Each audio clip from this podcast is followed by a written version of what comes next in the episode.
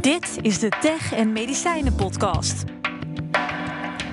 Inspirerende verhalen over genezen.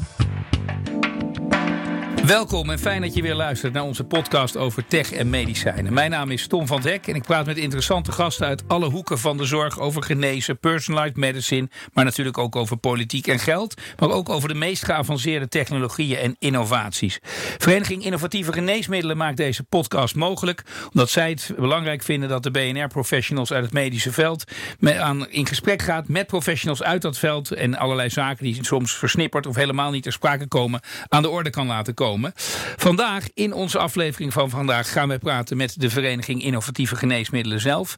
Twee heren sterk hier naartoe gekomen. Paul Korte, de voorzitter van de Vereniging Innovatieve Geneesmiddelen en Gerard Schouw, directeur van diezelfde vereniging. Heren beide, welkom.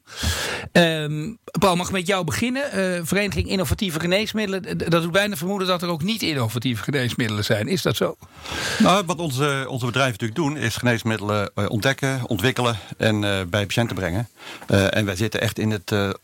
deel van de nieuwe geneesmiddelen. Hè? Dus en, en maar in principe zijn alle partijen die willen, nou ja, die willen aan bepaalde voorwaarden voldoen, kunnen bij jullie zijn aangesloten. Het zijn, genees, het zijn bedrijven die geneesmiddelen ontwikkelen, die echt op de innovatie zitten. Ja. Die hun eigen RD doen. Uh, die zorgen dat er nieuwe geneesmiddelen komen. Dat we nieuwe geneesmiddelen vinden voor aandoeningen die we niet kunnen behandelen. Uh, dus onze 44 leden vind je allemaal in, in die sector van de geneesmiddelenbranche. Geert Schouw, directeur van die vereniging. Wat, wat doen jullie voor die bedrijven? Wat, wat is eigenlijk, eigenlijk jullie kerntaak? Nou, eigenlijk het belangrijkste is om de geneesmiddelen voor morgen uh, beschikbaar te krijgen voor de patiënten. Uh, en dat betekent dat je uh, heel veel moet doen om de wet en regelgeving goed aan te passen, zodat ook de nieuwe geneesmiddelen, nieuwe technologieën, een aantal podcasts zijn daar ook over gegaan, ja, ja dat die op een goede manier door het systeem kunnen komen. Dus dat is een belangrijk ding. Zorgen dat die nieuwe geneesmiddelen beschikbaar blijven voor de patiënten van morgen. En iets anders wat heel erg belangrijk is, is ook het uh, versterken van het ondernemersklimaat voor uh, research en development van geneesmiddelen in Nederland. Okay. Binnenkort komt uh, de EMA, dat is een Europees agentschap ja. wat de toelating van nieuwe geneesmiddelen beoordeelt. En dat heeft als gevolg dat heel veel bedrijven vanuit het buitenland nu ook naar Nederland kijken en denken: hé, hey, dat is eigenlijk wel interessant om daar te investeren. We hebben een goed academisch uh, klimaat in Nederland. En wij willen als vereniging natuurlijk ja, zoveel mogelijk bedrijven naar Nederland halen. Dat is goed voor de patiënt, is ook goed voor de Nederlandse economie. We beginnen met dat research en development. Want Paul Kort, ik las in een blog van jou dat je zei... het wordt wel steeds moeilijker om daar goede mensen uh, voor te vinden. Klopt dat? Ja, kijk, het mooie is dat Nederland inderdaad uh, hoog scoort. Hè. Als je kijkt naar het, het niveau van onze wetenschappen... het niveau van onze academische ziekenhuizen... maar je hebt natuurlijk wel mensen nodig die dit ook kunnen doen. Je hebt wetenschappers nodig. Uh, en we zijn maar een klein landje. Uh, en we zien ook gewoon dat wat dat betreft de echte talenten toch schaars zijn in Nederland. Uh, en dat geldt niet alleen voor de, de, mensen die echt het onderzoek doen. Maar we hebben natuurlijk ook uh, fabrieken in Nederland. Dat is high-tech, dat is biotech. En ook daar heb je mensen nodig die, die, die weten hoe ze dat moeten doen. En we zien gewoon wel dat er nu echt een krapte ontstaat. En ligt daar een taak voor jullie? Ligt daar een taak voor anderen? Want uh, krapte constateren is één, maar hoe op te lossen is Ja, nee, dat is een goed punt. Daar ligt een taak voor ons allemaal. je ziet ook wel dat onze bedrijven uitreiken naar de opleidingsinstituten... om beter samen te werken, om de opleiding beter aan te laten sluiten... bij wat we nodig hebben. En wat we ook doen is toch wel zoeken in het buitenland, hè, waar ook talenten zitten, wil je het niet alleen maar in Nederland, uh, om die ook te verleiden om naar Nederland toe te komen. Dus we proberen op allerlei manieren proberen we wel ja. daarvoor te zorgen dat we dat kunnen blijven doen. Geert Schouw, jij noemde al die EMA die hier naartoe komt. Dan hoor ik overal in het veld, dat is een extra kans. Dat is ook een soort algemene regel geworden. Beseffen we die kans voldoende? En wat is die kans nou precies? Want ik hoor overal zeggen dat het een extra kans is. Het is mij nog niet helemaal duidelijk wat nou die extra kans is. Nou, misschien even de, de, de Nederlandse context. Uh, Nederland staat echt in de, in de top 5 wereldwijd als het gaat om wetenschappelijke kennis rondom de ontwikkeling van geneesmiddelen. Dus daar zijn we heel erg goed in. Uh, ook hebben we op een heel klein gebied uh, zeven hoogstaande academische ziekenhuizen. Er zijn ook een groot aantal bedrijven actief uh, in Nederland. Er zijn honderden uh, yeah. start-ups die bezig zijn met geneesmiddelen. Nou, en daar komt dus binnenkort ook die EMA. Uh, uh, bij kijken. Die wordt gepositioneerd in Amsterdam. En dat betekent dat uh, er heel veel van die kleine bedrijfjes die geneesmiddelen willen ontwikkelen, die willen onderdeel uitmaken van dat wat dan wordt genoemd ecosysteem. Een ecosysteem tussen Leiden, Amsterdam, Utrecht, een beetje uh, die driehoek. Uh, daar willen ze zich graag vestigen. Want daar zitten de mensen die ze nodig hebben voor het ontwikkelen van de geneesmiddelen. Daar zit de EMA, die gaat dadelijk over de toelating van de geneesmiddelen. Daar zitten de adviseurs. Uh, en zo groeit er een, een ecosysteem. En zijn we ons dat voldoende bewust? Is dat, is dat al groeiende nu? Want het is bijna zover. Ja, dat is groeiende. Dus ook internationaal hou ik verhalen over jongens kom naar Nederland, want we zijn bezig met dat ecosysteem. Ik krijg ook heel veel uh, vragen vanuit het buitenland. Die leid ik dan weer door naar het ministerie van Economische Zaken. Die zorgt dat die uh, bedrijven hier ook een warme ontvangst uh, krijgen. En we hebben natuurlijk ook de afgelopen maanden gezien dat bedrijven zich steeds, steeds meer gaan vestigen in Nederland. Maar het kunnen er wat mij betreft niet genoeg zijn. Oké. Het woord ecosysteem is gevallen. Dit is eigenlijk zeg maar een beetje het, jullie ecosysteem aan de ene kant weer in jullie draaien. De andere kant is het ecosysteem van de gezondheidszorg, noem ik het maar even. Maar kort, ik heb wel gezegd, de pharma staat daar, als ik jullie even de pharma mag noemen, als, als een private poot in een soort publiek geheel. Uh, hoe lastig is dat of welke kansen biedt dat? Nou, je, je zegt dat het twee aparte ecosystemen zijn. Het is eigenlijk één ecosysteem. Het is niet zo dat je dat kunt scheiden van elkaar. Het ontwikkelen, het uitvinden van geneesmiddelen. Dat vraagt om samenwerking. Eigenlijk ook weer met diezelfde partijen in de zorg. Geert noemde al de ziekenhuizen, de academische ziekenhuizen, de kleine bedrijven, grote bedrijven. Eh, dus daarmee zit je in feite al meteen in het andere onderdeel van de zorg, waar we ook een ecosysteem hebben. Maar het zijn, het zijn het is eigenlijk één, verbonden één, één en En juist ook als je kijkt naar die nieuwe ontwikkelingen, hè, nieuwe technologieën, nieuwe geneesmiddelen, nieuwe soorten van behandeling, hè, gentechnologie, hè, waarbij we veel dieper eigenlijk ingaan in het ziekteproces en ook veel beter weten hoe we het aan kunnen pakken. Dat is juist zo'n voorbeeld waarbij het eigenlijk twee handen op één buik zijn. Waarbij je zowel moet zorgen dat de zorg daarin meegaat, als ook uh, onze R&D en, en het ontwikkelen van die, van die geneesmiddelen. Want uiteindelijk wil je zorgen dat die nieuwe technologieën bij die patiënten komen die ze nodig hebben. En dat vraagt om een infrastructuur, dat vraagt om uh, opleiding, dat vraagt om een uh, goede manier van hoe we die geneesmiddelen uiteindelijk ook bij die patiënten kunnen krijgen. Dus ik, ik vind helemaal niet dat het twee aparte systemen zijn. Het is één. En dat maakt het juist zo, eh, zo interessant eigenlijk. Akkoord, het is één. Maar dan blijft het zo dat jullie een soort private partijen vaak zijn. Soms beursgenoteerde ondernemingen, internationaal georiënteerde ondernemingen. In een soort zeg maar publiek stelsel hebben we ook weer in de hele discussie rond sluiting van ziekenhuizen en dergelijke gezien. Hoe verhoudt zich dat en hoe nou, lastig is dat? Ja, je hebt u gelijk. Ik zeg altijd, we staan met één been in de publieke sector en met het andere been in de private sector. En op één been kun je lopen. Dus je zult ze allebei, allebei nodig hebben. en, ik, en ik denk ook dat het aan, aan ons is als, als vereniging en aan de bedrijven...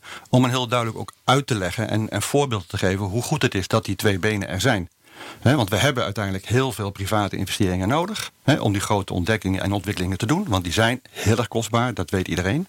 Maar tegelijkertijd beseffen we ook dat we die geneesmiddelen uiteindelijk in de publieke sector moeten brengen. Eh, waar patiënten zijn, waar, waar verzekeraars zijn, waar artsen zijn, waar ziekenhuizen zijn, eh, waar premies moeten worden betaald. Maar ook als we daarnaar kijken op een veel innovatievere manier, dan weet ik ook zeker dat we die, die, die, die issues die er spelen in dat stukje, rondom betaalbaarheid, rondom toegankelijkheid, we ook veel beter kunnen oplossen.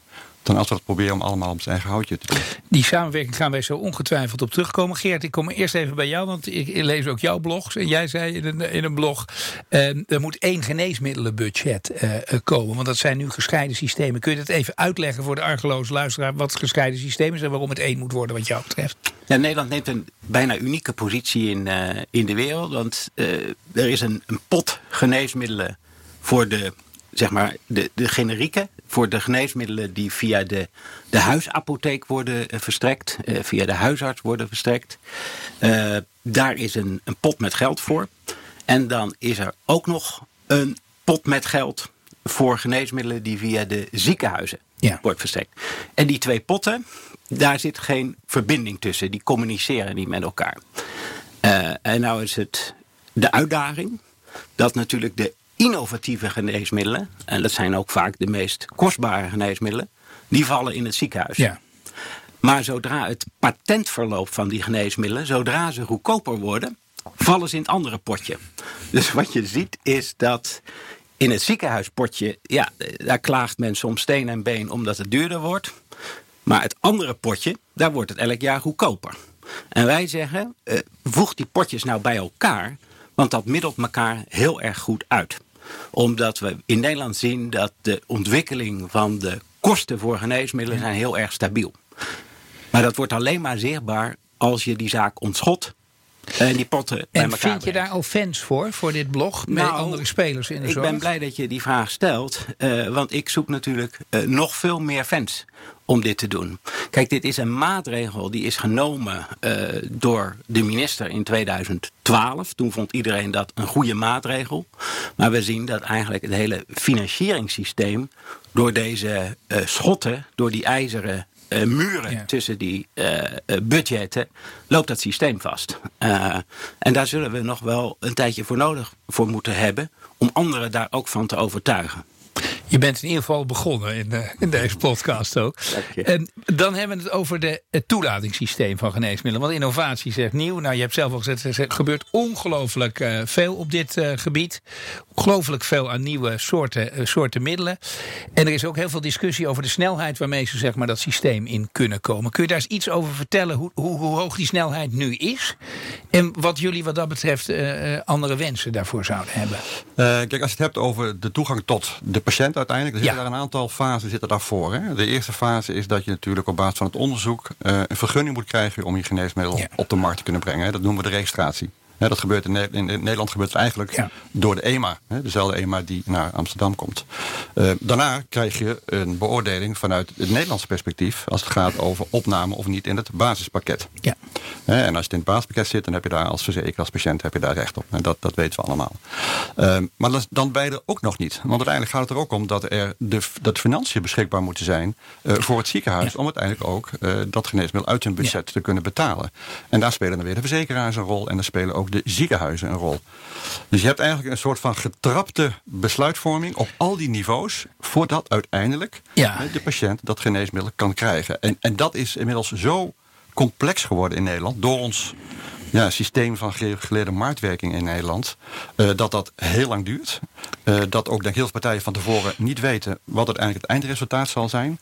En dat is iets waar we echt gezamenlijk aan moeten werken. Om dat En, en waar zou wat jullie betreft dan een versnelling in kunnen zitten? Er is natuurlijk ook steeds meer discussie over hoe lang zo'n eh, middel iets bewezen moet hebben voordat met Ja. drie jaar en vijf jaar dergelijke discussie. Waar, waar zit wat jullie betreft een, Ja, een belangrijke stap? Nou, waar we naar moeten kijken is dat we niet alle vragen kunnen beantwoorden op het moment dat zo'n geneesmiddel voor het eerst beschikbaar komt.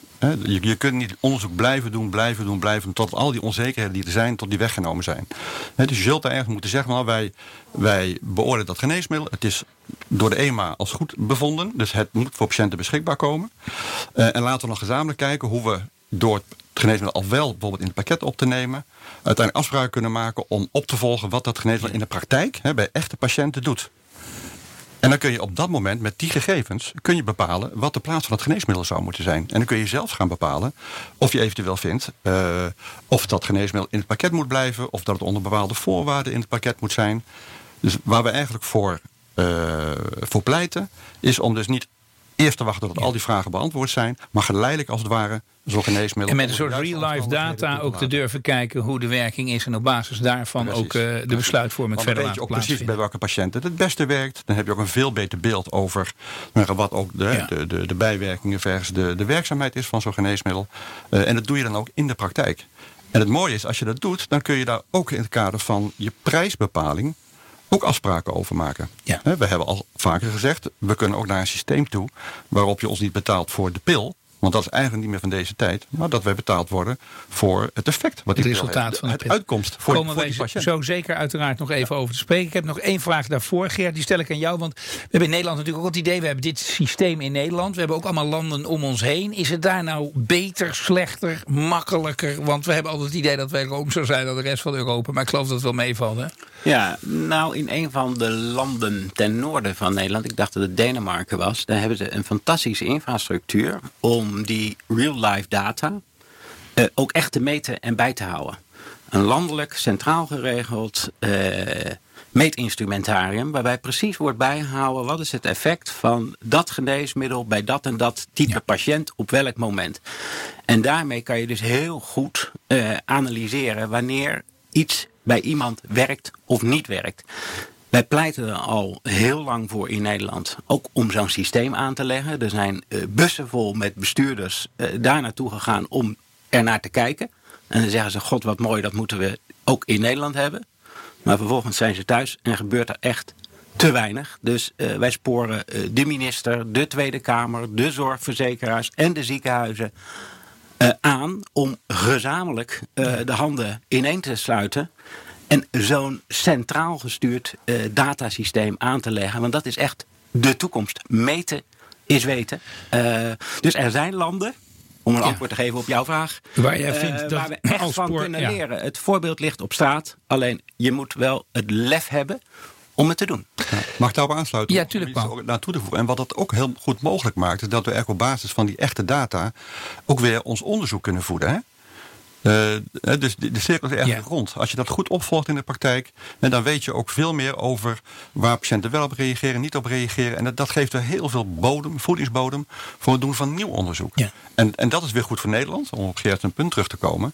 Dat we ook als Nederland kunnen laten zien dat we met die data voorop blijven lopen als het gaat over het ontwikkelen van nieuwe geneesmiddelen en betere geneesmiddelen. Jij noemde deze data ook dat die zou mede kunnen helpen voor de prijsbepaling van geneesmiddelen. Want werkt het of niet? Dat is uiteindelijk waar het om gaat. Toch eerst even over die prijs. Het imago waar jullie mee te kampen hebben. Uh, ik spreek wel eens mensen zeggen, nou ik vertel me op vrijdagavond niet wat ik doe. Want ben ik op een feestje, dan wil ik even rust hebben. Chargeer natuurlijk wat. kun je iets over dat imago vertellen en hoe jullie je rol daarin zien om dat imago dan te veranderen? Um, nou, wat je zegt is wel herkenbaar. Tegelijkertijd denk ik uh, ook wel en, zie ik ook wel dat wij als branche ook uh, veel duidelijker moeten maken. Um, waar we eigenlijk voor zijn. En hè, er wordt wel gezegd van, hè, wat is de maatschappelijke verantwoordelijkheid die je als, als bedrijf, als bedrijfstak hebt. En onze primaire verantwoordelijkheid is dat wij ervoor zijn om die betere en nieuwe geneesmiddelen te vinden. Dat is primair onze, onze maatschappelijke verantwoordelijkheid. Want als wij het niet doen, dan gebeurt dat gewoon niet. Uh, en dat wordt wel eens vergeten, denk ik, in de discussies... die met name natuurlijk nu focussen op, op, op de prijs. Uh, wat niet wegneemt dat we daar ook wel uh, ook begrip voor hebben... dat natuurlijk die nieuwe geneesmiddelen...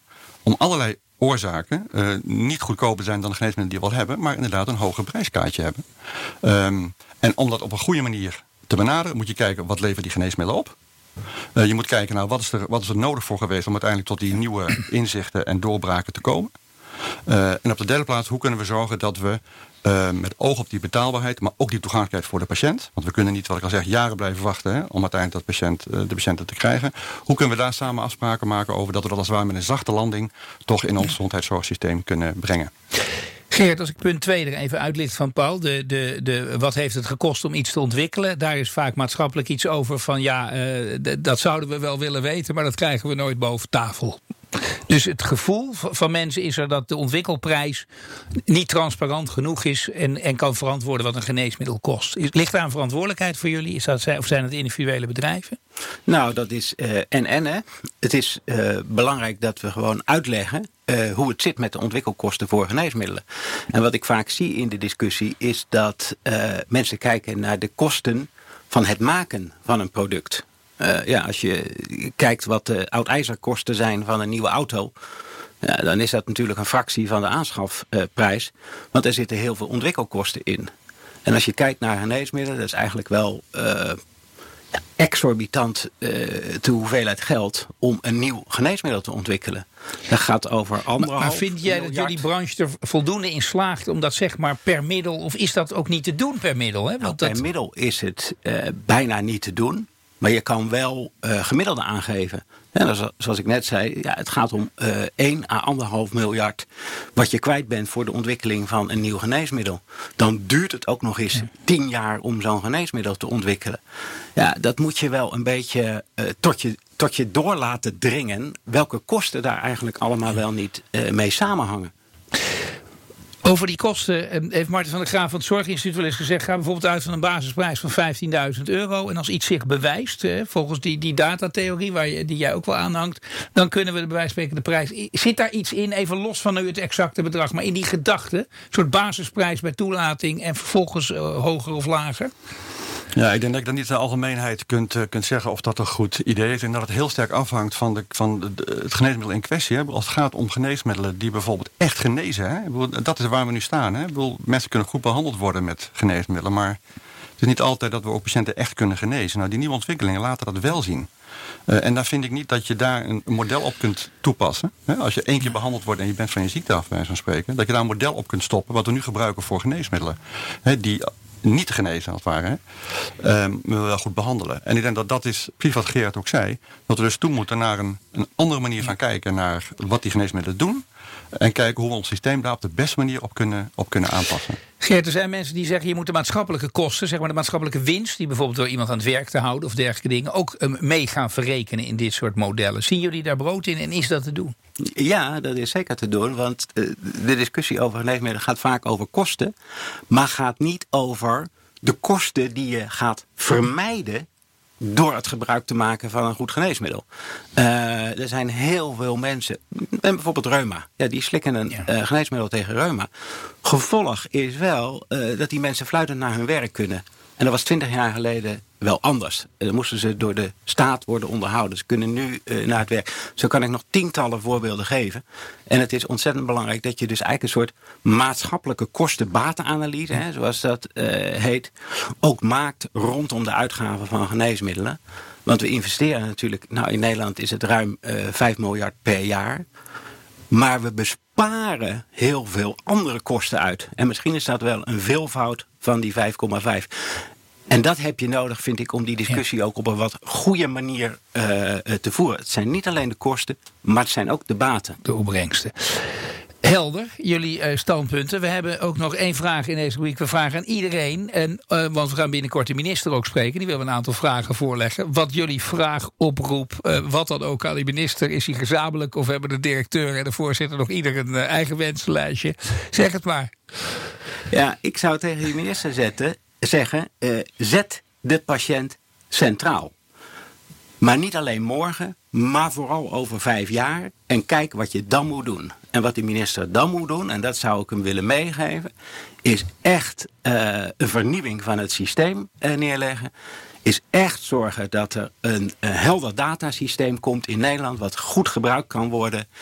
En is ook het verder promoten en aanjagen van research en development van geneesmiddelen in Nederland. Die drie dingen zou ik hem mee willen geven in het belang van de patiënt over vijf jaar. Heb je iets aan toe te voegen, Paul? Nou, ik denk dat Gerard al heel wat, heel wat noemt. Uh, misschien om daar een detail uit te halen. Um, het zou, denk, wat Geert al zei, uh, iedereen veel meer duidelijkheid geven. Uh, en ook een oplossing veel dichterbij brengen als we toegaan naar één geneesmiddelenbudget. Om het wat concreter te maken. Als we, als, we, als we dat doen, uh, dan zijn we ook veel beter in staat om die afwegingen te maken tussen kosten en baten. Zijn we ook in staat om afwegingen te maken tussen de nieuwe geneesmiddelen en de oude geneesmiddelen die ontzettend goedkoop zijn. Uh, en dan kunnen we ook denk ik als, als branche ook een verantwoordelijkheid nemen. Want dat is nog niet eens gezegd hier. Uh, om te zeggen, nou, als dit het budget is voor geneesmiddelen, dan moeten we het daarmee doen. We spreken af hoe we, hoe we dat gaan doen. En dat vind ik ook dat we daar als, als bedrijven daar ook onze verantwoordelijkheid in, in kunnen nemen. En dat is wat je bijvoorbeeld ook ziet in andere landen. Daar wordt op dat niveau gesproken tussen de sector en, en, en, het ministerie over hoe die afspraken zouden kunnen zijn. Uh, en dat zal, naar mijn idee, heel veel van de discussie, heel veel van de gepolariseerde discussie uh, wegnemen. Uh, en uiteindelijk denk ik, als wij in staat zijn geweest als branche om de afgelopen jaren He, met dit geneesmiddelenbudget, wat, nooit is, wat niet gegroeid is de afgelopen jaren. Als je ziet wat dat al gebracht heeft aan nieuwe geneesmiddelen. Uh, dan, dan, moeten we eigenlijk zeggen met z'n allen dat we in Nederland ook goed doen. Dat is ook wel goed om dat, om dat eens te melden hier. Dat we in staat zijn om met relatief lage kosten uh, geneesmiddelen, goede geneesmiddelen, nieuwe geneesmiddelen, doorbraakgeneesmiddelen, toch bij de patiënten te krijgen die ze nodig hebben. Nou. En dat kunnen we blijven doen. Vind dat we het in Nederland goed doen. Wel een mooi slot uh, voor deze podcast. Ja. Uh, Geert Gouw, de directeur van de Vereniging Innovatieve Geneesmiddelen. En Paul Korte, de voorzitter van de Vereniging. Zeer veel dank uh, dat jullie hier over met ons in gesprek wilden.